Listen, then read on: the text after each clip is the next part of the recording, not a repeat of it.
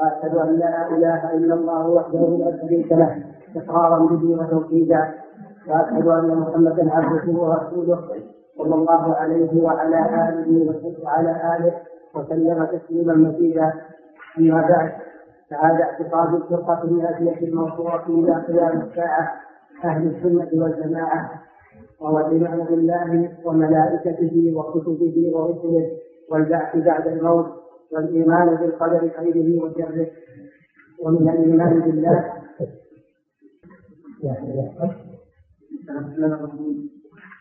بسم الله رب العالمين. قال المصنف رحمه الله تعالى الحمد لله الذي أرسل اشهد أن لا إله إلا الله وحده لا شريك له إقرارا به وتوحيدا وأشهد أن محمدا عبده ورسوله صلى الله عليه وعلى آله وصحبه وسلم تسليما مزيدا. أما بعد فهذا اعتقاد الفرقه الناجيه المنصوره إلى قيام الساعة وهي بسنه الله وهو الايمان بالله وملائكته وكتبه ورسله. والبحث بعد الموت والايمان بالقدر خير وسلم. بسم الله الرحمن الرحيم.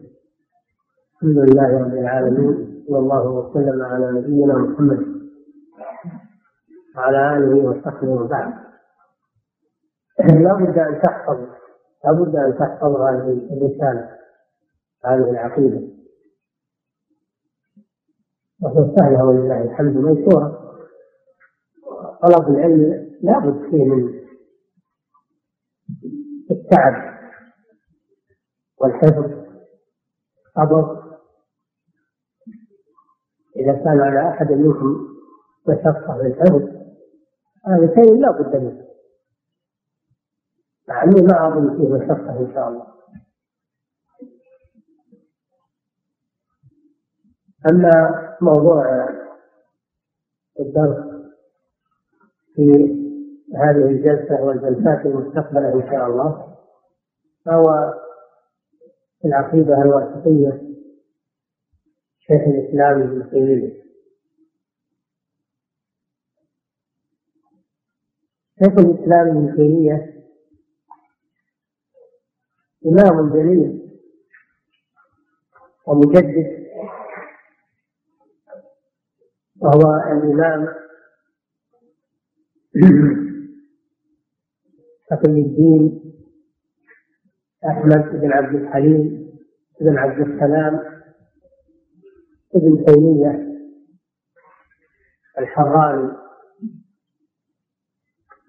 الحنبلي ولد في أرض حران من بلاد الشام. ولما يعني شب وميز أخذ يطلب العلم على والده عبد الحليم وكان والده إماما جليلا. وجده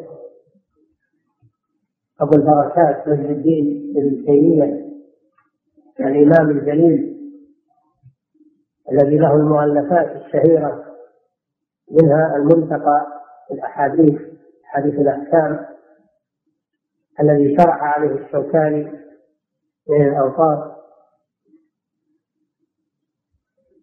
وله كتاب المحرر في الفقه وله غير ذلك من المؤلفات وهو يعتبر من أئمة المذهب الكبار. وكذلك أعمام الشيخ فيهم علماء. فهو من بيت علم. بدأ الدراسة في صغره على والده. حفظ القرآن. وهو صغير. ثم غزا استتار بلاد المسلمين. واستتار طائفة من المشرق. من بادية المشرق. كانوا غلاظا جفاة كفر غزوا بلاد المسلمين.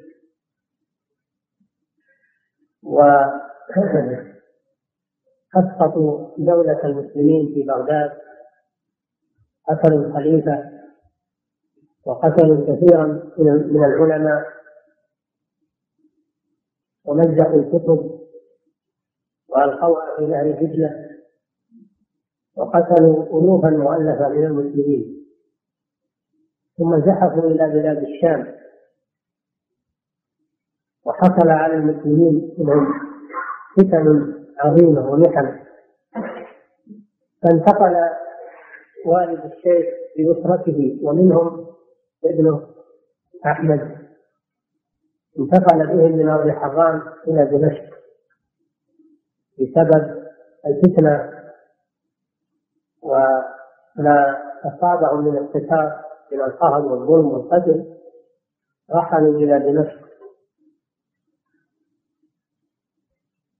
وكان الشيخ شابا صغيرا ولكنه كان متوحد الذكاء والفطنة والشهد فلما قدم به إلى دمشق وكانت دمشق تغص بالأئمة والعلماء في الحديث والتفسير والفقه والعربية وغير ذلك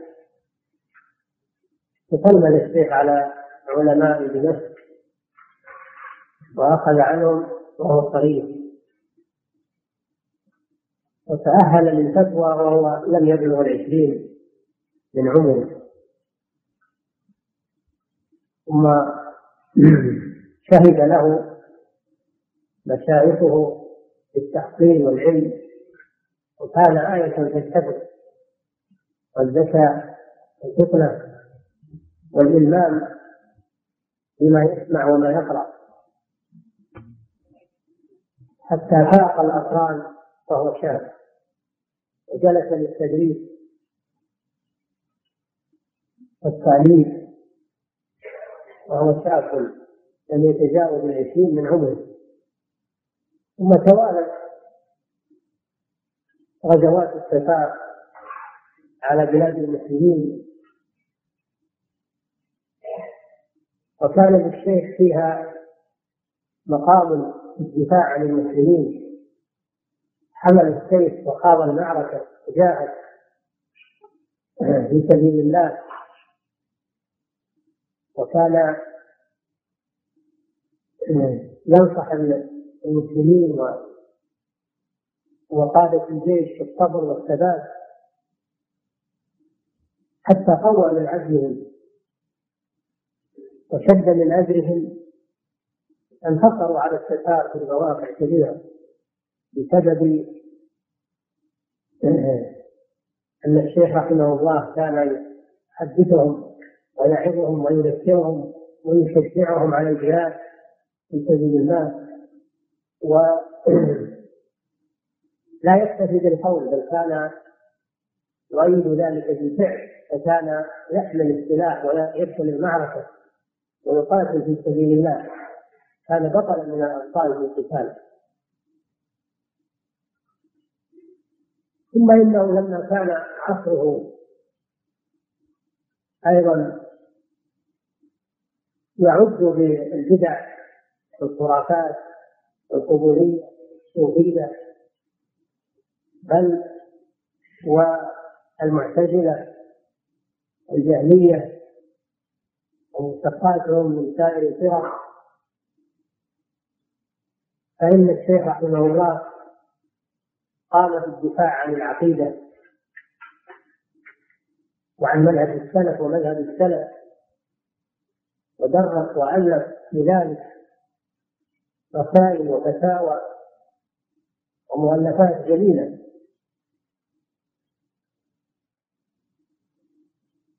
ربما تزيد على أربعمائة مجلد مؤلفات أو أكثر ويكفيكم الآن أنه لما جمع الموجود من فتاوى بلغ خمسة وثلاثين مجلدا.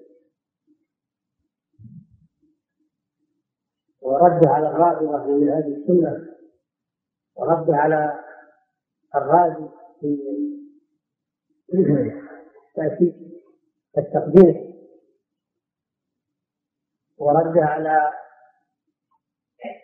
على علماء الكلام في درء العقل والنقل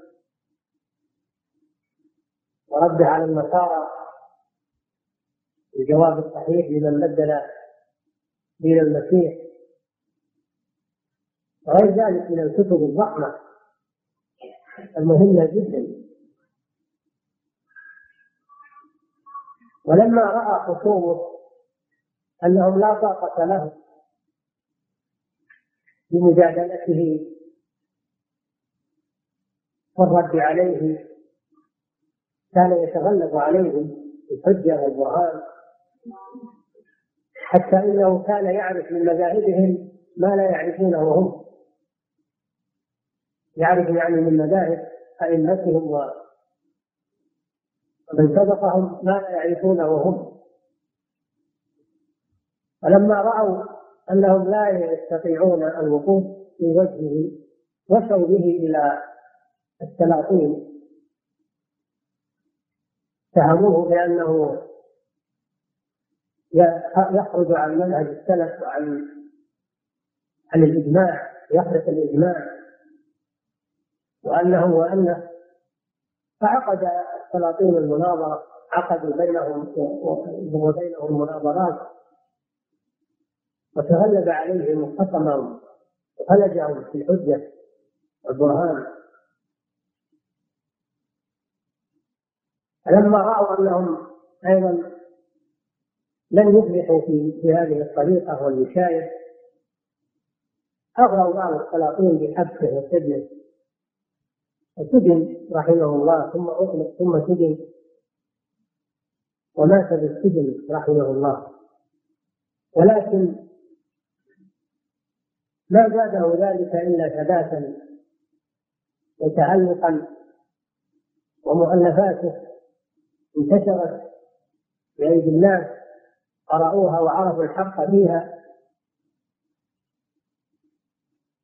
وفي كل عصر يظهر له من المؤلفات والرسائل ما يفرح المسلمون بالظفر به. حتى جاء عصرنا هذا عصر المطابع وعصر النشر فكانت كتب الشيخ رحمه الله بالمنزلة الرفيعة عند المسلمين. ولم يستطيع خصومه الميل منها أو الرد عليها بل تغلبت عليهم ولله الحمد. وصارت منارا بأيدي طلبة العلم. والحريصين على السنة ومنهج السلف فلا تزال. ولله الحمد. ظاهرة على أصلها وأما خصومه فانطفأ نورهم وخمد ذكرهم ودارت مؤلفاتهم. لأن هذه سنة الله سبحانه وتعالى أن الحق لا يغلب وأن الحق يظهر ولو انتقل في بعض الأوقات فإنه يظهر على الباطل. ومن جملة رسائله هذه الرسالة ثلاثة رسالة العقيدة الواسطية. العقيدة الواسطية. هي سميت بهذا الاسم لأنه كتبها جوابا لرجل من أهل واسط البلد المعروفة في العراق. سميت واسط لأنها متوسطة بين البصرة والكوفة بناها الحجاج بن يوسف الثقفي لما كان اميرا على العراق. سميت ببلدة واسط لتوسطها بين الكوفة والبصرة. وقيل سميت بالواسطية لأنها لأنها تبين أن مذهب السلف هو الوسط. مذهب السلف هو الوسط بين المقالات والمذاهب الضالة والمنحرفة. كما قال عن أهل السنة أنهم وسط في أسماء الله وصفاته بين المعطلة والمشبهة وفي باب الأسماء أسماء الإيمان والدين بين الخوارج والمعتزلة وبين المرجئة. وفي أصحاب رسول الله صلى الله عليه وسلم بين بين النواصب والخوارج وبين الرافضة. فهم وسط في هذه الأبواب فما يأتي. إلا أن يشرعوا في أثناء هذه العقيدة. يقول وهم وسط في كذا وهم وسط في كذا وهم وسط في كذا. فلذلك سميت بالواسطية لأنها بينت وسطية مذهب السلف. مذهب أهل السنة والجماعة بين المذاهب المخالفة. وقد اشتملت هذه العقيدة على أبواب على الأبواب التي يذكرها العلماء في العقيدة. اشتملت على بيان أسماء الله وصفاته وما يجب وما يجب نحوها. وبيان كلام الله سبحانه وتعالى وما يجب اعتقاده فيه. وفي أصحاب الكبائر من المسلمين وما يقال فيهم وما ينهى عنهم إلى آخره. فهي مشتملة على وفي القدر كذلك. في القدر وما يجب اعتقاده في قدر الله سبحانه وتعالى. وفي صحابة رسول الله صلى الله عليه وسلم وما يجب اعتقاده في حقه وفي أهل البيت وما يجب اعتقاده في حقهم.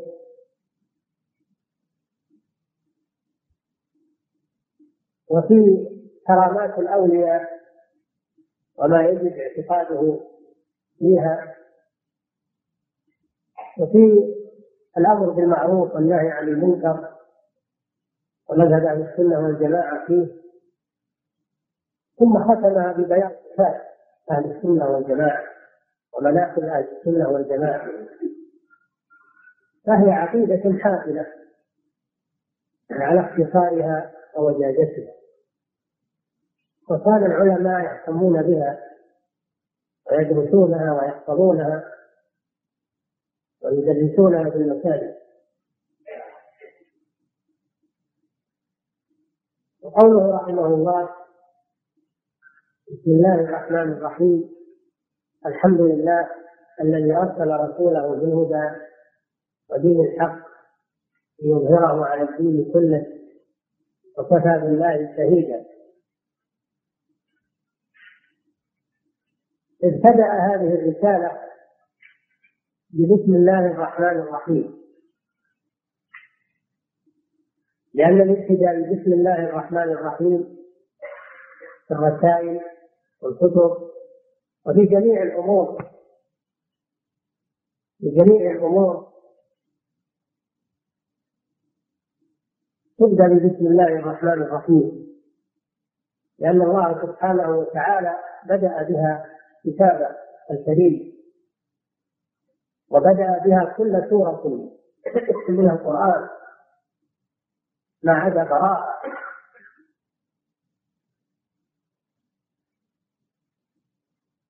وكذلك الأنبياء عليهم الصلاة والسلام كانوا يبدأون بسم الله الرحمن الرحيم. هذا سليمان عليه الصلاة والسلام لما كتب الرسالة إلى ملكة سبأ اليمن. بدأ بسم الله الرحمن الرحيم.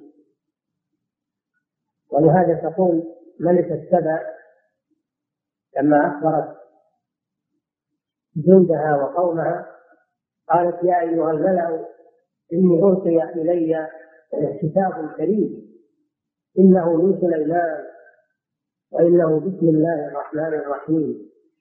ألا تعلوا علي وأتوني مسلمين. بدأ رسالته عليه الصلاة والسلام بسم الله الرحمن الرحيم. وكان النبي صلى الله عليه وسلم يبدأ بها في خطبه وفي حديثه وفي رسائله. كان صلى الله عليه وسلم يبدأ بسم الله الرحمن الرحيم. وقال صلى الله عليه وسلم كل ذي بال لا يبدأ فيه بسم الله الرحمن الرحيم فهو أبتر أي ناقص البركة. البداء بسم الله الرحمن الرحيم في المؤلفات والرسائل وفي جميع الأمور. سنة. على الأكل على الذبيحة على عند دخول البيت عند دخول المسجد. سنة البداء بها. ولذلك كان المسلمون يسيرون على هذا المنهج يبدأون بسم الله الرحمن الرحيم جميع أمورهم.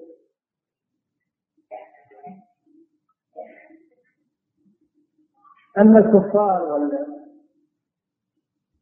ومن قلدهم وتشبه بهم من جهلة المسلمين فإنهم لا يبدأون بسم الله الرحمن الرحيم في كتبهم يرونها علامة بارزة في كتبهم كل من يتشبه بالكفار فإنه لا يبدأ بسم الله الرحمن الرحيم.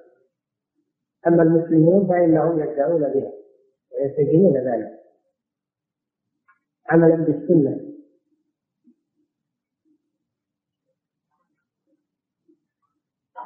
بسم الله. عند حرف جر. واسم مجرور بالباء والجار والمجرور تعلقان بمحذوف. تقديره أبتدئ أبتدئ بسم الله. أو أستعين بسم الله.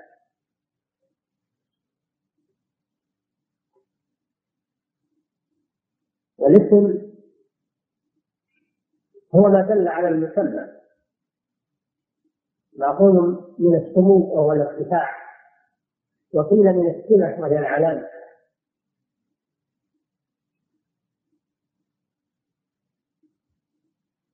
وهو ما دل على المسمى.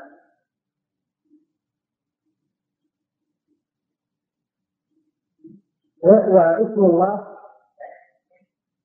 أي جميع أسماء الله سبحانه وتعالى.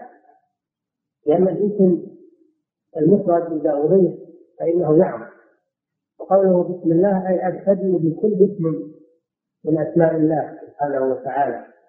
وأسماء الله جل وعلا كثيرة. لا تحصى لا يحصيها إلا الله. ولله الأسماء الحسنى فادعوه بها. فقوله بسم الله ابتدئ بكل اسم لله عز وجل. والله هذا لفظ الجلالة. الله معناه بالالوهيه والعبودية لأن الإله معناه المعبود من أله يأله إلى أبد. والآلهة هي المعبود. وهو الذي في السماء إله وفي الأرض إله أي هو المعبود سبحانه وتعالى. والمستحق للعبادة في السماء وفي الأرض. العبادة لا تصلح إلا له سبحانه وتعالى. فالله معناه المعبود. وهذا الاسم لا يسمى به غيره سبحانه وتعالى. لا يسمى أحد بهذا الاسم إلا الله سبحانه وتعالى. ولا أحد تسمى به من الخلق. حتى الجبابرة والكفرة ما تسمون ما أحد منهم قال أنا الله. لا يجرؤ أحد على أن يتسمى بهذا الاسم. لأنه لا يسمى به إلا الله جل وعلا. ولهذا لهذا فرعون ما قال أنا الله. قال أنا ربكم. أنا ربكم الأعلى ما قال أنا الله. مع كفره وعناده وجحوده.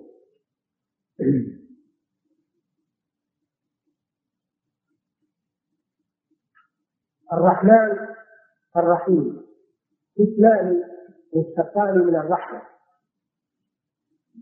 والرحمة صفة من صفات الله سبحانه وتعالى.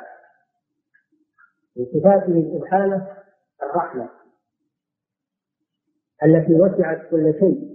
قال تعالى ورحمتي وسعت كل شيء. وهي صفة تليق به سبحانه وتعالى. لا تشبه رحمة المخلوق. مخلوق أيضا توصف بالرحمة. ولكن لا تشبه رحمة المخلوق رحمة الخالق سبحانه وتعالى. الرحمن اسم مشتق من الرحمة. وكذلك الرحيم. والفرق بينهما أن الرحمن رحمة عامة لجميع المخلوقات. أما الرحيم فإنه رحمة خاصة بالمؤمنين كما قال تعالى وكان بالمؤمنين رحيما وأيضا الرحمن لا يسمى به غير الله سبحانه. وأما الرحيم فيسمى به المخلوق كما قال تعالى للمؤمنين يعني الرسول صلى الله عليه وسلم لقد جاءكم رسول من أنفسكم عزيز عليه ما عنتم حريص عليكم بالمؤمنين رؤوف رحيم. فالمخلوق يسمى رحيما لكنها رحمة تدخل والله يسمى رحيما. أما الرحمن فلا أحد يسمى به غير الله جل وعلا. اسم خاص بالله عز وجل.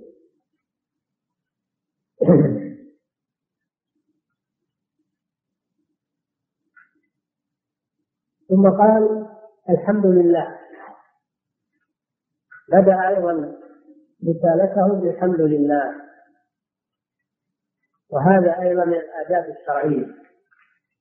بدأت الأمور بالحمد لله ولا سيما المؤلفات. الله جل وعلا بدأ كتابه الكريم بالحمد لله رب العالمين. بدأه الحمد لله رب العالمين.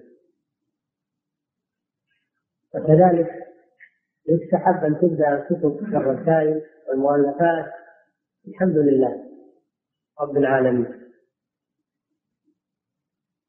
وقد جاء في الحديث أيضا كل أمر لا يبدأ فيه بالحمد لله. فهو أكثر. والجمع بين الروايتين أن الابتداء بسم الله بداية حقيقية والابتداء بالحمد لله بداية نسبية. البداية المطلقة بسم الله الرحمن الرحيم. البداية الإضافية الحمد لله رب العالمين. فيبدأ بهما كل الأمور. بسم الله الرحمن الرحيم الحمد لله. والحمد معناه الثناء على الله سبحانه وتعالى. الحمد معناه الثناء أي يثني على الله. الله جل وعلا يثنى عليه.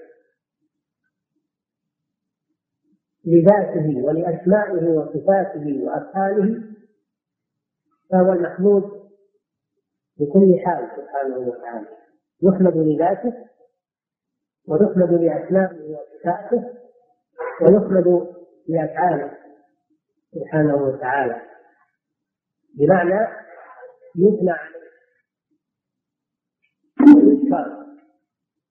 على نعمه وإحسانه لأنه ما بالعباد من نعمة إلا وهي منه سبحانه وتعالى هو المستحق للحمد.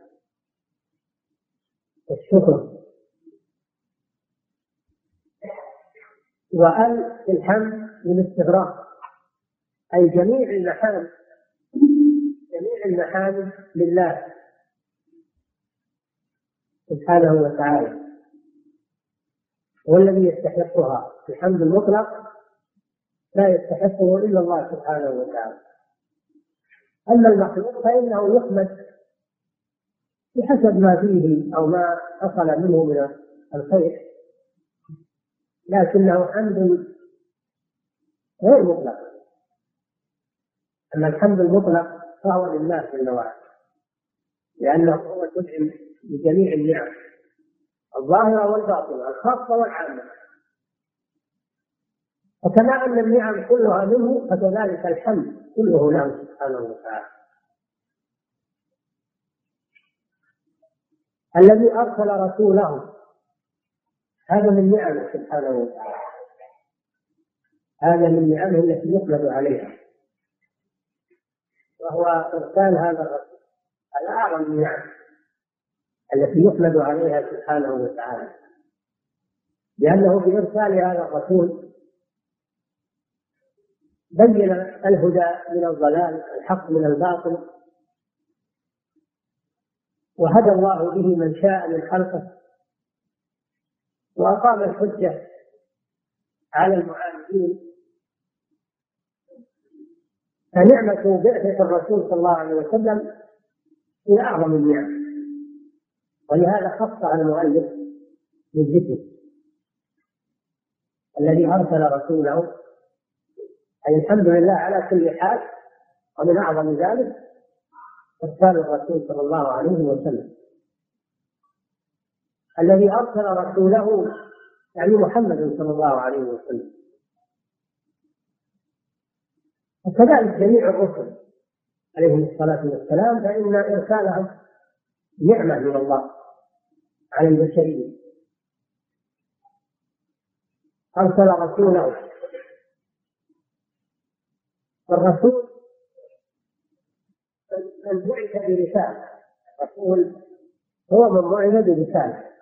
تقول رسول الله أو تقول رسول فلان أو رسول السلطان كل من بعث بمهمة فإنه يقال له رسول. من حيث اللغة. أما الرسول في الاصطلاح الشرعي فهو كما عرفه أهل العلم. الرسول هو من أوحي إليه بشريعة وأمر بتبليغه هذا هو الرسول. من أوحي إليه بشريعة وأمر بتبليغها أما النبي فهو من أوحي إليه بشريعة ولم يؤمر بتبليغها بمعنى أنه لم لم يؤمر بإلزام الناس بها وجهادهم عليها وقتل من لم يقبلها هذا إنما هو بالرسل أما الأنبياء فإنهم يوحى إليهم. ولكنهم لم يؤمروا بإلزام الناس والقتال قتال الناس حتى يقبلوا منهم. لكنهم يبلغون ويرشدون ويعلمون الناس كأنبياء بني إسرائيل. أنبياء بني إسرائيل. وأيضا النبي يوحى إليه بشريعة أما الرسول الرسول يوحى إليه بشريعة شريعة خاصة. أما النبي فإنه يبعث بشريعة من قبل. يبعث بشريعة من قبل. مثل أنبياء بني إسرائيل. إنما أمروا باتباع موسى عليه الصلاة والسلام اتباع التوراة. اتباع التوراة التي أنزلها الله على موسى. أما الرسول فإنه يوحى إليه بشريعة مستقلة. ولا يعني ولهذا يقول سبحانه وتعالى لكل جعلنا منكم شرعة ومنهاجا. والرسل كثيرون لا يعلم عددهم إلا الله سبحانه وتعالى. لكن جاء في حديث جاء في حديث رواه أبو ذر أن عدد الأنبياء مئة مئة ألف مئة ألف وأربعة وعشرون ألفا. وأن عدد الرسل منهم ثلاثمائة وأربعة عشر.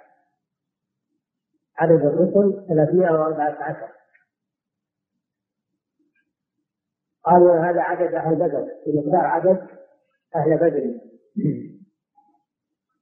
314 هذا ورد في حديث عند أبي ذر.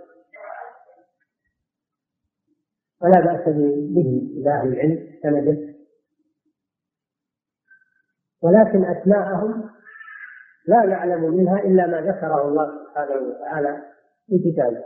وهناك أنبياء لم يذكر الله لنا أسماءهم قال تعالى ورسلا قد قصصناهم عليك من قبل ورسلا لم نقصصهم عليك.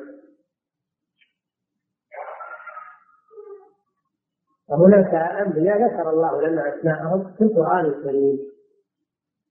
كما في آية كما في سورة في سورة الأنعام. في قوله سبحانه وتعالى وتلك حجتنا اتيناها إبراهيم على قوم نرفع درجات من نشاء إن ربك حكيم عليم. وهبنا له إسحاق ويعقوب اذا هدينا ونوحا هدينا من قبل من ذريته داوود وسليمان وأيوب ويوسف وموسى وهارون كذلك نجزي المحسنين زكريا ويحيى وعيسى وإلياس كل من الصالحين.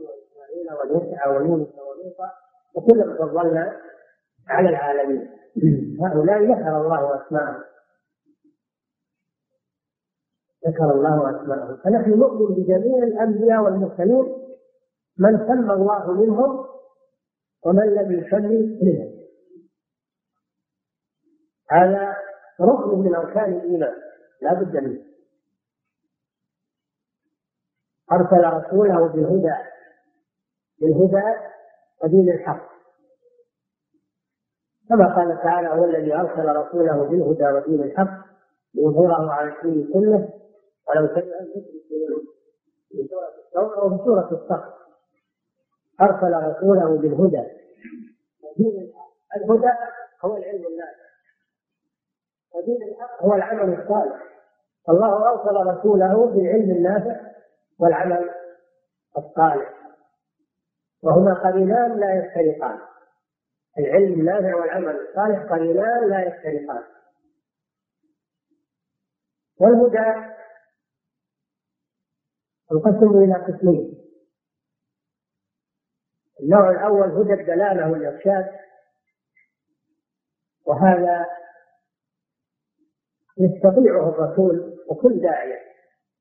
أن يدلوا وأن يرشدوا وأن يدعوا إلى الله ويبينوا هداية الدلالة والإرشاد يستطيعها الرسول صلى الله عليه وسلم ويستطيعها غيره من الدعاة إلى الحق. قال تعالى وإنك لتهدي إلى صراط مستقيم. قال تعالى وأما ثمود فهديناه يعني دللناه وأرشدناه وبينا له النوع الثاني دلالة التوفيق. دلالة التوفيق والقبول. وهذه لا يقدر عليها إلا الله سبحانه وتعالى. ولهذا قال الله لنبيه صلى الله عليه وسلم إنك لا تهدي من أحببت ولكن الله يهدي من يشاء. والمراد بالهداية هنا هداية التوفيق والقبول والإنذار القلوب هذه لا يقدر عليها إلا الله سبحانه وتعالى. أما دلالة الإرشاد والبيان والتوضيح فهذه يستطيعها الرسول وكل من سار على نهجه. قال صلى الله عليه وسلم لأن يهدي الله بك رجلا واحدا خير من حمر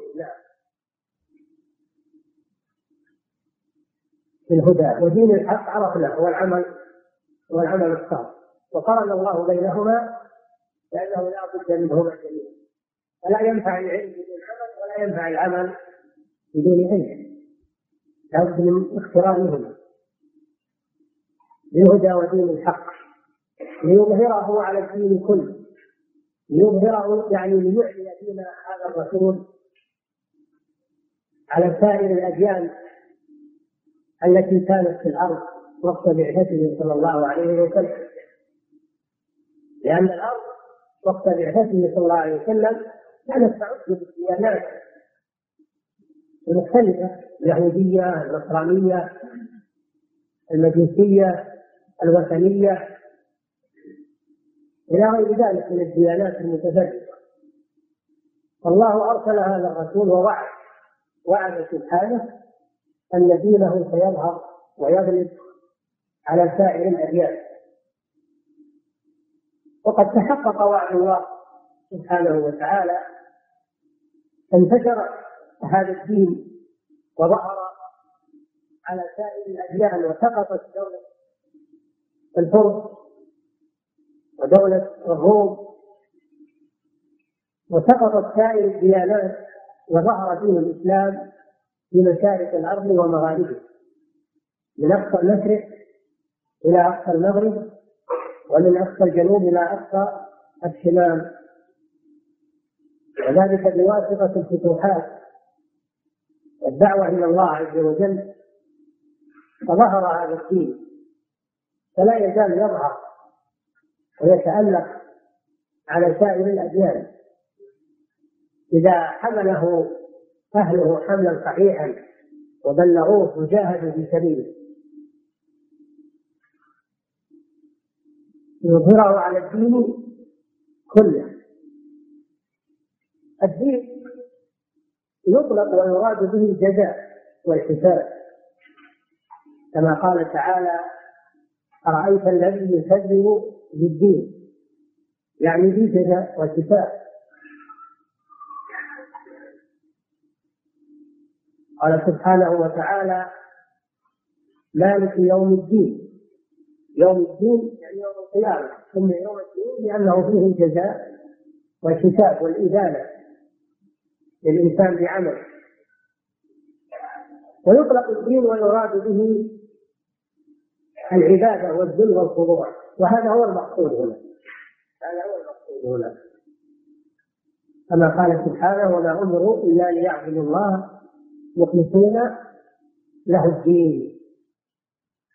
الدين هنا المراد به العبادة والذل والخضوع لله عز وجل.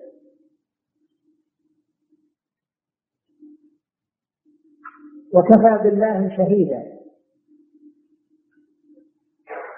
كفى بالله شهيدا. شهيدا على صحة رسالته صلى الله عليه وسلم. فإن الله شهد له بذلك أنه رسول. الله جل وعلا شهد أنه رسول. إنا أرسلناك شاهدا ومبشرا ونذيرا وما أرسلناك إلا رحمة للعالمين. قل يا أيها الناس إني رسول الله إليكم. تبارك الذي نزل الفرقان على عبده ليكون للعالمين نذيرا وما أرسلناك إلا رحمة للعالمين. هذه شهادة من الله له بالرسالة. يا أيها الرسول يا أيها النبي هذه شهادة من الله. من حيث إنه جل وعلا يطلع عليه ويقره على قوله إني رسول الله. الرسول يقول للناس إني رسول الله. ويقاتلهم على ذلك. إن لم يتبعوه. والله يطلع. فلو كان كاذبا على الله لما امهله لأنه جل وعلا لا يمهل الجبابرة والطغاة والعتاة والكذابين لا يمهلهم فكون الله جل وعلا أقره على ذلك وأمهله ونصره وأيده واستمرت رسالته هذه شهادة من الله جل وعلا على صحة رسالة هذا الرسول. قال تعالى ولو تقول علينا بعض الأقاويل لأخذنا منه باليمين ثم لقطعنا منه الوكيل فما منكم من أحد عنه حاجزين. فإقرار الله له وهو يدعو الناس ويقول أنا رسول الله إليكم ويقاتلهم. على ذلك وتأييد الله له ونصره له هذا دليل وشهادة من الله على رسالته صلى الله عليه وسلم. فقوله جل وعلا وكفى بالله شهيدا أي شاهدا. ومشاهدا لأنه يرى ويعلم سبحانه وتعالى. والشهيد يطلق ويراد به الحاضر الذي يرى ويسمع ويبصر سبحانه وتعالى ما يفعله عبده. وهو شهيد وشاهد. وما تتلو منه من قرآن ولا تعملون من عمل. إلا كنا عليكم شهودا إن تفيضون فيه. وما يعزب عن ربك من مثقال ذرة في السماوات ولا في الأرض ولا أصغر من ذلك ولا أكبر إلا في كتاب مبين. وكفى بالله شهيدا. أصله وكفى الله شهيدا. كفى الله شهيدا. ثم زيدت الباء لأجل التأكيد. لأجل التأكيد. بالله. الباء جاءت لأجل التأكيد.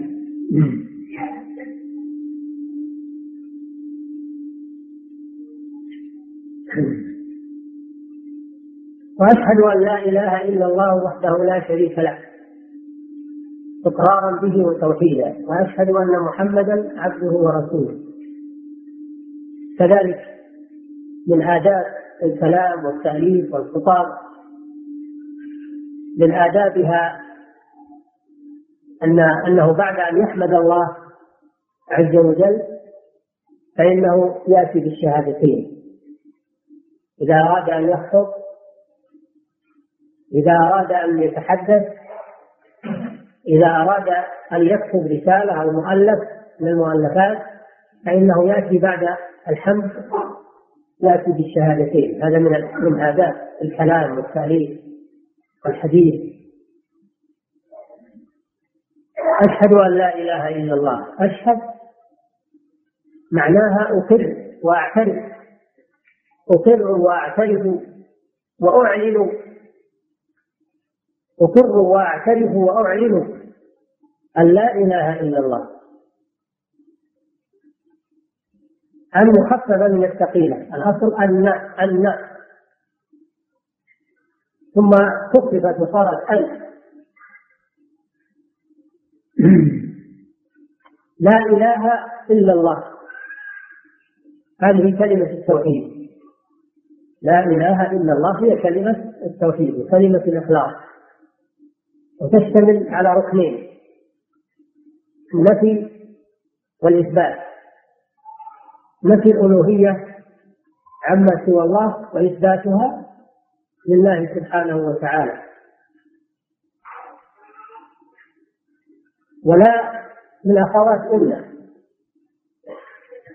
تحتاج إلى اسم وخبر. اسمها إله. وخبرها محذوف. تقديره لا إله حق. لا إله حق. أي لا معبود بحق. إلا الله سبحانه وتعالى. أما من يقدر الخبر لا إله موجود. هذا خطأ واضح خطأ واضح لأن معناه أن كل المعبودات هي الله الموجودة. لكن لا يوجد حق انتفى كل ما سوى الله سبحانه وتعالى من المعبودات. وإلا هناك معبودات كثيرة موجودة. فكيف تقول لا إله موجود؟ يعني معناه أن كل المعبودات صارت هي الله. هذه وحدة الوجود. هذا باطل. لكن الإله الحق هو الله وما عداه فهو باطل كما قال تعالى ذلك بأن الله هو الحق وأن ما يدعون من دونه هو الباطل وأن الله هو العلي الكبير.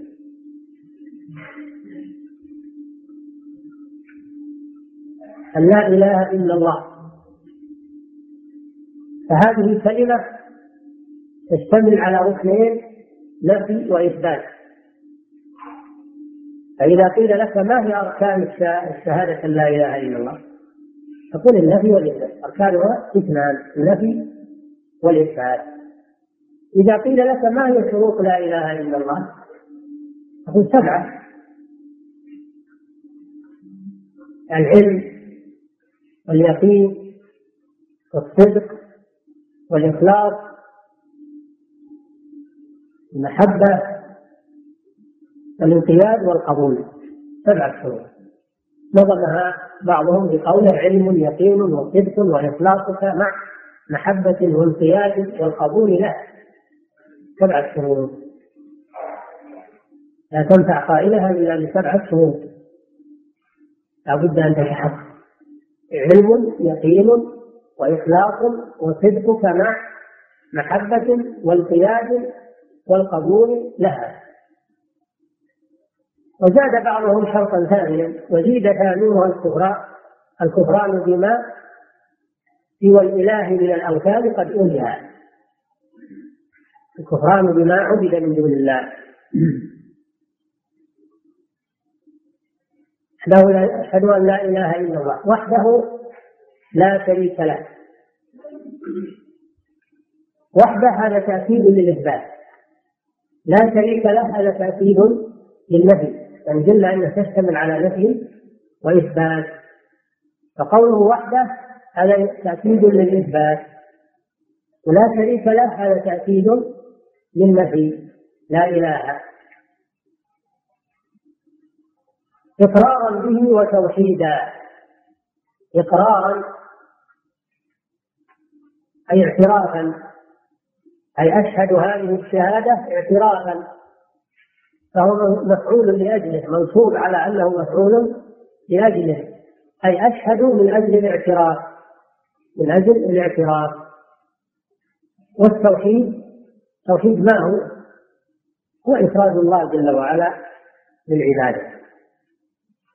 الغرض من هذه الشهادة هو الاعتراف والتوحيد أي إفراد الله سبحانه وتعالى بالعبادة. فليست لا إله إلا الله مجرد كلمة تقال باللسان بل لا بد أن يصحبها الإقرار بالقلب ويصحبها العمل وهو التوحيد وإفراد الله تعالى بالعبادة وإلا تكون كلمة لا لا معنى لها ولا فائدة منها مجرد اللفظ بدون إقرار وبدون عمل بمقتضاها لا لا يفيد الصحيح ولو كرر هذه الكلمة آلاف المرات.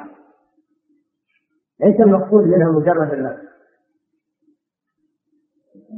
هذا الغرض من قول الشيخ إقرارا به وتوحيدا. أي اعترافا بالقلب وعملا بالجوارح.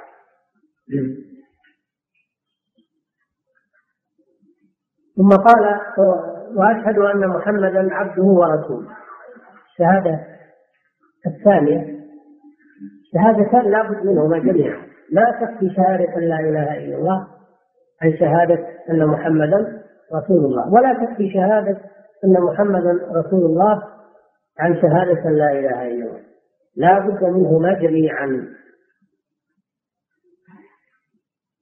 ولذلك جاء بهما المؤلف رحمه الله. وأشهد أن محمدا أي أسر وأعترف وأخبر وأعلن أن محمدا محمد بن عبد الله بن عبد المطلب بن هاشم القرشي أن محمدا عبده هذا اسمه عليه الصلاة والسلام محمد قد جاء في القرآن في موضعين. في سورة محمد وآمنوا بما نزل على محمد. في سورة الأحزاب ما كان محمد أبا أحد من رجالكم ولكن رسول الله خاتم النبيين موضع ثالث في آل عمران. وما محمد إلا رسول قد خلت من قبله الرسل. وجاء اسمه أحمد في سورة الصف. وإذ قال عيسى ابن مريم يا بني إسرائيل إني رسول الله إليكم جميعا الذي له من السماوات والأرض آه وإذ قال عيسى ابن مريم يا بني إسرائيل إني رسول الله إليكم مصدقا لما بين يدي من التوراة ومبشرا برسول يأتي من بعدي اسمه أحمد. يعني محمد صلى الله عليه وسلم. فهو عليه الصلاة والسلام اسمه محمد واسمه أحمد وله أسماء كثيرة عليه الصلاة والسلام. تجدونها في كتاب جلائل الأفهام للإمام ابن القيم ذكر أسماء النبي صلى الله عليه وسلم.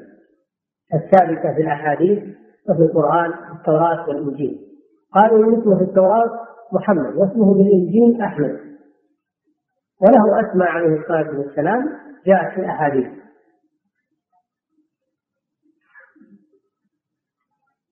وأشهد أن محمدا عبده ورسوله. ومعنى أشهد أن محمدا عبده ورسوله كما قال الشيخ الإمام محمد بن عبد الوهاب في ثلاث نصوص طاعته فيما أمر تصديقه فيما أخبر واجتناب ما نهى عنه وزجر وأن لا يعبد الله إلا بما شرع هذا معنى شهادة أن محمدا رسول الله. طاعته فيما أمر وتصديقه فيما أخبر واجتناب ما نهى عنه وزجر وأن لا يعبد الله إلا بما شرع لا بد من هذه الأمور وإلا تكون الشهادة غير صحيحة. عبده ورسوله. هذا أشرف المقامات. مقام الرسالة والعبودية أشرف المقامات. قال تعالى يا أهل الكتاب قد جاءكم رسولنا يعني محمد صلى الله عليه وسلم. قال تعالى وإن كنتم في ريب مما نزلنا على عبدنا يعني محمد صلى الله عليه وسلم. الحمد لله الذي أنزل على عبده الكتاب على عبده يعني محمد صلى الله عليه وسلم. وسماه رسولا يا أيها الرسول وما محمد إلا رسول قد خلت من قبله الرسل. يا أيها النبي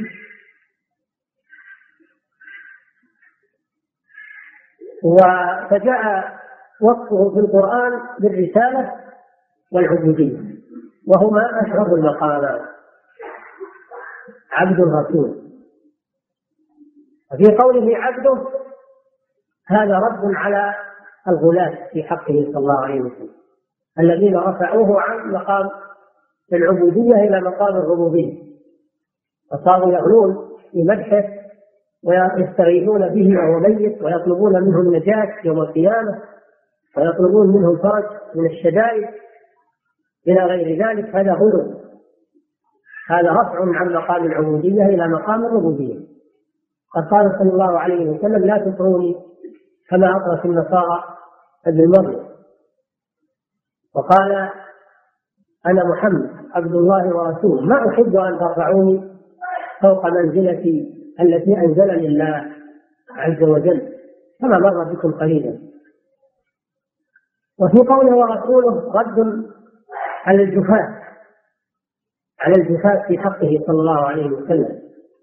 الذين يسيئون الأدب في حقه صلى الله عليه وسلم ويعصونه ويخالفون أمره أو ينكرون رسالته.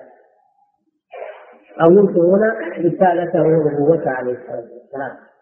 فهاتان اللفظتان فيهما منع الإفراط والتفريط. الإفراط وهو الغلو في حقه صلى الله عليه وسلم والتفريط في حقه صلى الله عليه وسلم بمخالفته وعدم احترامه والتأدب معه. الرسول له حق عليه الصلاة والسلام. والله جل وعلا له حق. هناك حق خاص بالله. وهناك حق خاص بالرسول صلى الله عليه وسلم وهناك حق مشترك بينهما. كما قال العلامة ابن القيم لله حق ليس لغيره ولعبده حق هما حقان. لا تجعل الحقين حقا واحدا من غير تمييز ولا فرقان.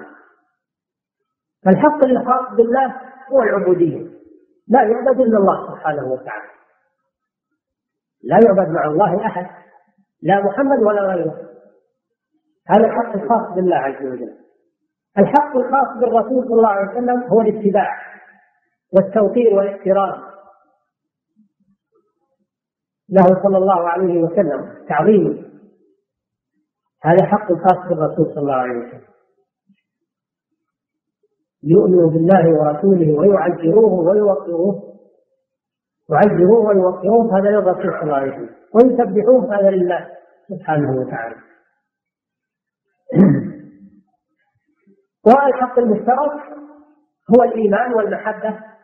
الإيمان يجب أن تؤمن بالله وتؤمن بالرسول صلى الله عليه وسلم. المحبة يجب أن تحب الله وأن تحب الرسول صلى الله عليه وسلم. الإيمان والمحبة. والطاعة. يطاع الله جل وعلا ويطاع الرسول. واطيعوا الله واطيعوا الرسول. هذا مشترك. وطاعة الرسول طاعة لله. من يطع الرسول فقد أطاع الله. أن محمدا عبده ورسوله صلى الله عليه وعلى آله وسلم تسليما مزيدا. هذا أيضا من آداب من آداب المؤلفات والرسائل والخطط والمحادثات أن يصلى فيها على النبي صلى الله عليه وسلم. أولا الحمد لله. ثانيا الشهادتان. ثالثا الصلاة والسلام على النبي صلى الله عليه وسلم. صلى الله عليه. صلى. صلاة من الله جل وعلا ثناؤه على عبده. ثناؤه على عبده في الملأ الأعلى والصلاة من الملائكة الاستغفار. والصلاة من الآدميين الدعاء. هذا ما صلى الله أي أثنى الله عليه ومدحه في الملأ الأعلى. وعلى آله الأذان حضر. وعلى آله الآل الصحيح أن المراد بهم أتباعه على دينه. أتباعه على دينه من قرابته وغيره. هذا هو الصحيح. فهو لفظ عام. ولذلك لم يذكر الصحابة هنا لأنهم داخلون في آله يعني في أتباع بل هم أولى من يدخل في آله عليه الصلاة والسلام. إذا فسر الآل بالأتباع. وقد يراد بالآل القرابة قرابة الرسول صلى الله عليه وسلم. ولكن هنا المراد به الأتباع سواء كانوا من قرابته أو من غيره كلهم من آل. كما قال تعالى ويوم تقوم الساعة أدخلوا آل فرعون. أي أتباع فرعون. أدخلوا آل فرعون أشد العذاب أي أتباعه على دينه. الشيخ تقي الدين رحمه الله معنى كلامه يقول في باب الزكاة المراد بالآل قرابة. الله عليه وسلم. الذين لا تحل لهم الزكاة. أما في باب الدعاء والصلاة فالآن يشمل الأتباع كلهم. والمراد هنا هم الأتباع. وعلى آله وسلم تسليما كثيرا. سلم معطوف على صلى. كلاهما فعل الماضي وسلم معناه الدعاء له صلى الله عليه وسلم بالسلام الدعاء له بالسلامة من كل آفة ومن كل محذور تسليما كثيرا. تسليما مصدر سلم أجل التأكيد. وكثيرا كذلك صفة لتسليما. صفة لتسليما. ونعت لتسليما سلم تسليما مزيدا. سلم تسليما مزيدا يعني زائدا متوافرا كثيرا لا نهاية له. لأنه صلى الله عليه وسلم يستحق ذلك. يستحق الصلاة من الله والتسليم بدون حد عليه الصلاة والسلام. هذا والله أعلم وصلى الله وسلم على نبينا محمد وعلى آله وصحبه. بسم الله الرحمن الرحيم. يقول فضيلة الشيخ وفقكم الله قوله تعالى إنك لا تهدي من أحببت. أن نزلت عن النبي صلى الله عليه وسلم في شأن عمه أبي طالب فقط أم لا؟ السبب سبب النزول سبب النزول في عمه أبي طالب. أما لفظها فهو عام. لفظ الآية عام. والعبرة كما يقول أهل العلم العبرة بعموم اللفظ لا بخصوص السبب سببها في عمه أبي طالب. لما كان يحرص صلى الله عليه وسلم على هدايته ولما مات ولم يقبل الإيمان ومات على الكفر حزن النبي صلى الله عليه وسلم حزنا شديدا وقال لا أستغفرن لك ما لم أنه عنك. فأنزل الله تعالى ما كان للنبي والذين آمنوا أن يستغفروا للمشركين ولو كانوا من القربى وأنزل في عمه إنك لا تهدي من أحببت ولكن الله يهدي من يشاء وهو أعلم بالمهتدين. الله جل وعلا أعلم بمواضع الهداية ومن يستحقها ومن لا يستحقها. أبو طالب آثر النخوة الجاهلية ودين الآباء على دين الرسول صلى الله عليه وسلم. مع اعترافه بأنه حق ولكن حمله الحمية الجاهلية لدين قريش ودين عبد المطلب على أن مات مشركا والعياذ بالله. نعم وفضيلة الشيخ وفقكم الله ذكر الشارع والخاص على العقيدة الواسطية أن الفرق بين الرسول والنبي المشهور غلط ولا يمكن أن يوحي الله إلى بشر ولا يأمره بالتبليغ ومن فائدة من ذلك ورجح القول الثاني الذي ذكرته ولا تزيدكم حفظكم الله. القول الثاني اللي ذكرنا معه ما يذكر القول الثاني استجاب منه هذا منه اللي شارح الوصفي لا؟ من هو؟ من هو الثاني يعلمنا من هو السجاف اللي شرح الوصفي؟ أي على كل حال المراد بالتبليغ الأمر بالتبليغ ما هو عدم الأمر بالدعوة إلى الله. الدعوة إلى الله كل مأمور بالدعوة إلى الله. حتى العلماء مأمورون بالدعوة إلى الله. ولكن المراد بالتبليغ المراد به الإلزام والقتال عليه. القتال على هذا الشيء حتى يدخل فيه. هذا المراد بالأمر بالتبليغ. الإلزام والقتال على ذلك. فبعض الناس يتوهم أن المراد بالتبليغ عدم الأمر بالتبليغ إنه ما يبلغ ولا يدعو ولا يعلم الناس. لا هذا ما هو صحيح. هذا حتى الانبياء مأمورون بالتعليم والدعوة إلى الله وتبليغ الخير للناس ونشر الدعوة هذا مأمور. لكن المراد الجهاد والإلزام. نعم. فضيلة الشيخ وفقكم الله أن يصح تقدير لا إله مستحق إلا الله؟ لا إله لا معبود. لا معبود بحق. لأن الإله معناه المعبود. لا معبود حق أو بحق إلا الله. هذا هو التقدير الصحيح. نعم. يقول فضيلة الشيخ وفقكم الله نسمع من البعض هذا الدعاء الحمد لله الذي لا يحمد على مشهور سواه. كما رأيتم في ذلك؟ الله جل وعلا يحمد على كل شيء. لأن حتى المكروه حتى المكروه يكون له عاقبة حميدة في حق المسلم. وإن كان يكره المسلم هذا الشيء فإن عاقبته حميدة كما قال تعالى وعسى أن تكرهوا شيئا وهو خير لكم.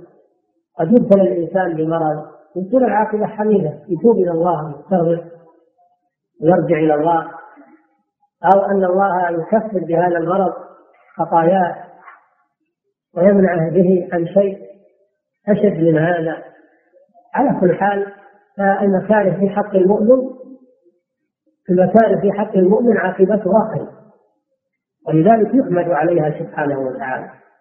فإذا كان المراد من من هذا الدعاء هو هذا أن المكاره في حق المؤمنين تكون خيرا لهم.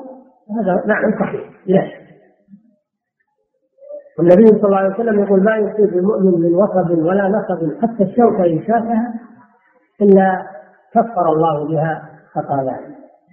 ويقول عجبا للمؤمن إن أمره كله عجب. إن أصابته سراء شكر عليها فكان ذلك خيرا له وإن أصابته ضراء فصبر عليها كان ذلك خيرا. وليس ذلك إلا للمؤمنين المكاره في حق المؤمنين تكون عواقبها حميدة يحمد عليها الله سبحانه وتعالى. وأيضا المكاره التي توقع بالمجرمين هي من الله جل وعلا رحمة لردعهم ومنعهم من العدوان وكفهم عن الظلم ولأجل نشر العمل وقمع المجرمين والمفسدين هي رحمة من الله سبحانه وتعالى. يحمد عليها وإن كانت مكروهة في حق المخلوقين. لكنها في حق الله ليست مكروهة لأنها عدل وجزاء. نعم. الله. أحمد إليك الله.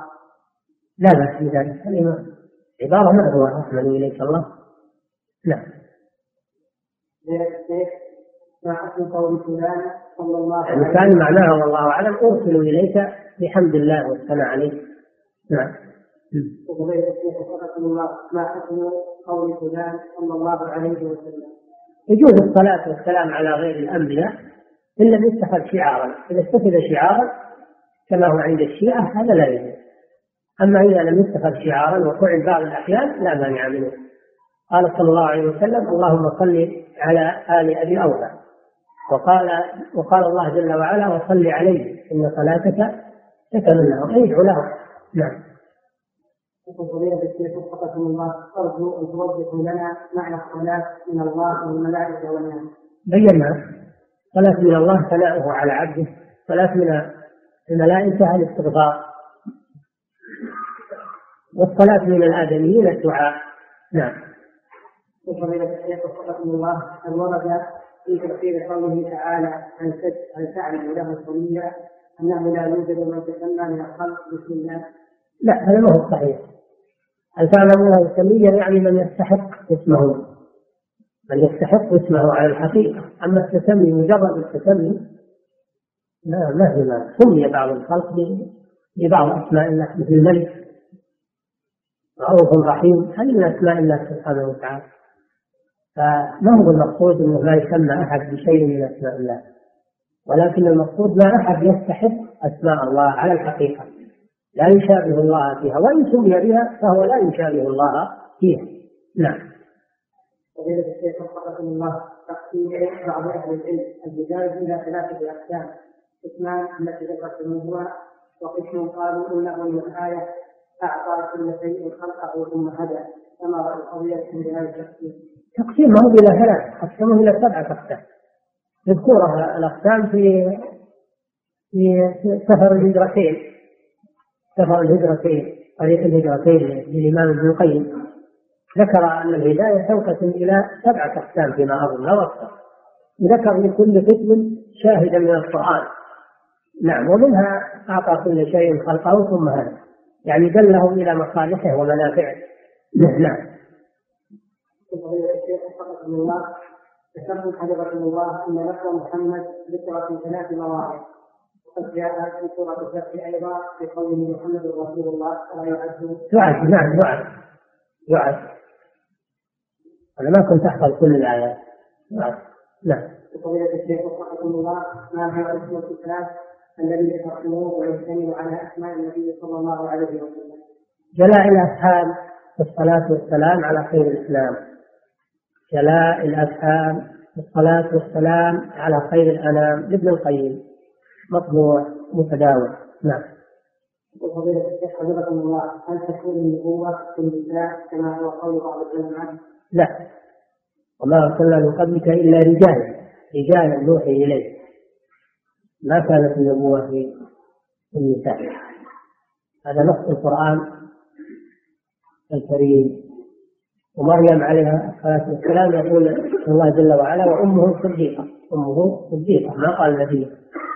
وأما قوله تعالى وأوحينا إلى أم موسى المراد بالوحي هنا وحي الإلهام. مثل وأوحى ربك إلى النحل. يعني ألهمها. ألهمها هذا الشيء. وليس وحي التشريع. وحي التشريع هذا خاص بالأنبياء عليهم الصلاة والسلام. نعم. في قوله وكفى بالله شهيدا ذكرتم ان جاء زائدا نعم. لغات العرب تجي فيها حروف تجاد من أجل التأكيد. ليست زائدة بدون فائدة. لا إذا كانت بالتأكيد فصار صار لها فائدة في الكلام. نعم. الكلام الكلام على الزايد اللي ما له معنى أو ما له فائده ليس في القرآن شيء من هذا. ما في شيء زائد إلا وله فائدة وله معنى. يعني زائدة على التركيب. زائدة على التركيب. لأن الأصل كفى الله شهيدا. الله فاعل كفى. ولكن جاءت الباء لتأكيد الشهادة. مثل ما من أحد وما من إله إلا الله. من هذه التأكيد. والأصل لا إله إلا الله. نعم. لا إله إلا الله. لكن جاءت منه التأكيد. تأتي بالنفي نعم. الله تعالى أعلم. وصلى الله. وسلم على نبينا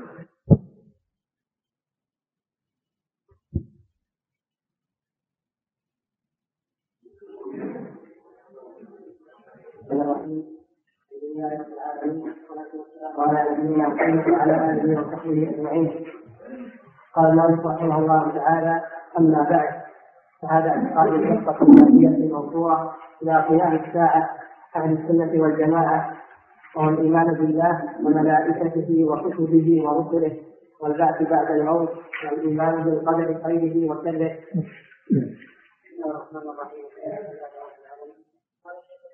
أما هذا اعتقاد الفرقة الناجية المنصورة إلى قيام الساعة أهل السنة والجماعة. وهو الإيمان بالله وملائكته وكتبه ورسله والبعث بعد الموت والإيمان والإيمان بالقدر خيره وشره.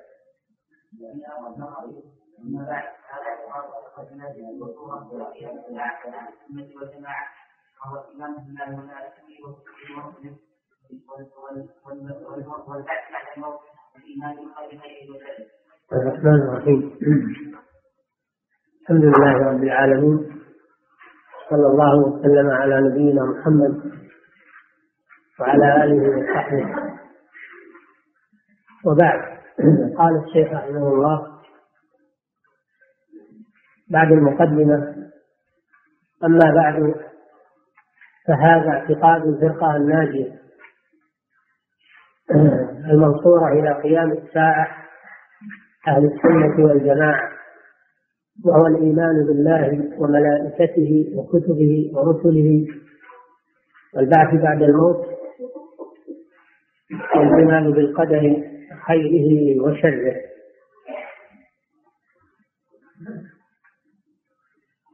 قوله أما بعد هذه الكلمة كلمة مأثورة يؤتى بها للانتقال من موضوع إلى موضوع أو من أسلوب إلى أسلوب. وتسمى فصل الخطاب وقيل هي الكلمة التي أوتيها داود عليه الصلاة والسلام كما قال الله تعالى وآتيناه الحكمة وفصل الخطاب وقد كان النبي صلى الله عليه وسلم يستعملها في خطبه ومكاتباته ومواعظه فكان يقول بعد حمد الله والثناء عليه الشهادتين صلاة على النبي صلى الله عليه وسلم يقول أما بعد. فيستحب للخطيب والمؤلف والمتحدث أن يقولها اقتداء بالنبي صلى الله عليه وسلم. ومعناها مهما يكن من أمر. أما بعد أي مهما يكن من أمر. فهذا اعتقاد الفرقة. ألف تكون رابطة بين أما وبين جوابها ها تكون رابطة. كما لو قلت أما أما زيد فأكرمه. فتأتي الفاء بعد أما يغرق بينها وبين ما بعدها. وهذا اسم إشارة للمذكر. اسم إشارة للمذكر. ها حرف تنبيه وذا اسم إشارة للمذكر. وأين المشار إليه؟ المشار إليه هو ما سيذكره وما سيذكره في هذه الرسالة من اعتقاد أهل السنة والجماعة. فهو إشارة إلى ما سيذكره مجملا ومفصلا في هذه الرسالة. اعتقاد مصدر مصدر اعتقد مصدر اعتقد إذا جزم بالشيء إذا جزم بالشيء وتيقنه في قلبه يقال اعتقده. مأخوذ من عقد الحبل إذا شده عقد الحبل إذا شده. فما يتيقنه القلب ويجزم به فإنه يقال اعتقده. أي شد شد عليه قلبه ويقينه. فالعقيدة بخلاف الظن بخلاف الشك بخلاف الوهم العقيدة لا تكون إلا في شيء مجزوم به. ليس فيه ظن ولا شك ولا توهم. فهنا يسمى عقيدة. سواء كانت هذه العقيدة مطابقة للحق أو مخالفة للحق. إن كانت العقيدة مطابقة للحق فهي عقيدة صحيحة. وإن كانت هذه العقيدة مخالفة للحق فهي عقيدة باطلة. المسلمون يعتقدون في ربهم عز وجل ويؤمنون به ويؤمنون بكل ما جاء عن الله ورسوله فهي عقيدة مطابقة للواقع فهي عقيدة صحيحة. والكفار يعتقدون صحة ما هم عليه. الكفار أيضا يعتقدون صحة ما هم عليه من عبادة الأوثان والشرك بالله.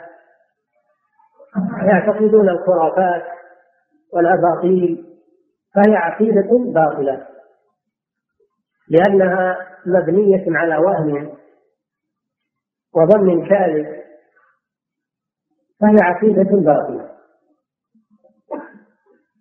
والعقيدة الصحيحة هي التي تنجي صاحبها تنجي صاحبها في الدنيا والآخرة. من كل مكروه ومن كل شر ومن كل فتنة. أما العقيدة الباطلة فإنها تهلك صاحبها في الدنيا والآخرة وإن اعتقدها. فهي عقيدة باطلة. وما بني عليها فهو باطل. هذا فرق ما بين العقيدة الصحيحة والعقيدة الفاسدة. والأنبياء عليهم الصلاة والسلام من أولهم إلى آخرهم جاءوا بالدعوة إلى العقيدة الصحيحة. جاءوا بتصحيح العقيدة مما شابها من الشبهات والشكوك والشركيات والخرافات جاءوا لتصحيح العقيدة وتصفيتها هذه دعوة الرسل عليهم الصلاة والسلام من أولهم إلى آخرهم. جاءوا لإصلاح العقيدة. لأنها إذا صلحت العقيدة صلحت كل الأمور الأقوال والأفعال وسائر التصرفات. وإذا فسدت العقيدة فسدت كل الأمور. فالرسل وأتباعهم في كل زمان ومكان يدعون إلى العقيدة الصحيحة وتصحيحها مما خالطه. وأعداء الرسل يدعون إلى العقيدة الباطلة من شياطين الإنس والجن. شياطين الإنس والجن ودعاة الضلال كلهم يدعون إلى العقيدة الباطلة. يأمرون الناس بالشرك يأمرون الناس بالبدع يأمرون الناس بالخرافات. هذا شأنهم يدعون إلى العقيدة الفاسدة. بخلاف الرسل وأتباعهم فإنهم دائما وأبدا يدعون إلى العقيدة الصحيحة والمناهج السليمة. التي أمر الله سبحانه وتعالى بها وفطر الناس عليها. اعتقاد الفرقة الفرقة المراد بها الجماعة والطائفة من الناس. يقال لها فرقة ويقال لها طائفة ويقال لها جماعة. والمعنى واحد. أما الفرقة بضم الفاء فالمراد بها الافتراق والاختلاف. الفرقة الاختلاف. وأما الفرقة المراد بها الجماعة من الناس. اعتقاد الفرقة الناجية. هذا وصف لها. اعتقاد الفرقة الناجية المنصورة إلى قيام الساعة أهل السنة والجماعة. هذه أوصاف. ذكر أربعة أوصاف لهذه الفرقة وهذه الجماعة. أربعة أوصاف. كلها فيها متصفة بها. لا انقسام فيها ولا افتراق فهي الفرقة الناجية بمعنى أنها نجت من العذاب. ونجت من الاختلاف والتفرق. نجت من الهلاك في الدنيا والآخرة. وهذا مأخوذ من قوله صلى الله عليه وسلم فرقت اليهود على إحدى وسبعين فرقة. فرقت النصارى على اثنتين وسبعين فرقة. وستفترق هذه الأمة على ثلاث وسبعين فرقة كلها في النار إلا واحدة. قالوا من هي يا رسول الله؟ قال من كان على مثل ما أنا عليه وأصحابي وقوله صلى الله عليه وسلم إلا واحدة وصف هذه الواحدة بأنها نجت من النار. نجت من النار كلها في النار أي كل الفرق الاثنتين والسبعين في النار